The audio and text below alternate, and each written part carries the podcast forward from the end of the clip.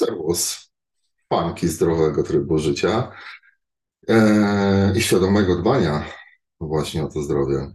Dzisiaj pytanie od Pani.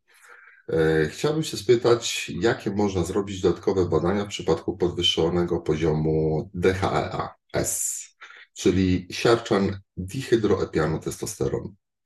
E, co bym Pani zalecił? Sprawdzenie, żeby mniej więcej odczytać z e, tych badań możliwe połączenia, zaburzenia e, lub fazę życia, w którą pani wchodzi wraz z podwyższonym DHA e, lub może inny problem. Więc jeśli chodzi tylko, zaleci mi dużo, dużo, dużo szersze badania niż niż podam Pani e, w przypadku DHA, ale mm, to tylko w przypadku DHA. Normalnie jak Pani do mnie trafiła, badania by były zupełnie, zupełnie e, inne, w sensie szersze oprócz tych, które wymienię. Podaję. I objaśnię, jak to mówi Cejrowski. E, pan Cejrowski, przepraszam.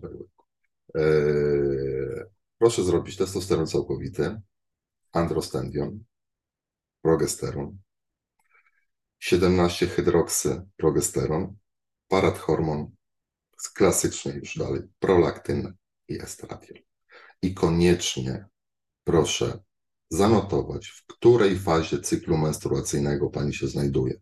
A zaleciłbym zrobienie tych badań między 13 a 15 dniem cyklu. W razie jakichkolwiek wątpliwości z interpretacją wyników, słyszę, jestem do dyspozycji. Czuwaj.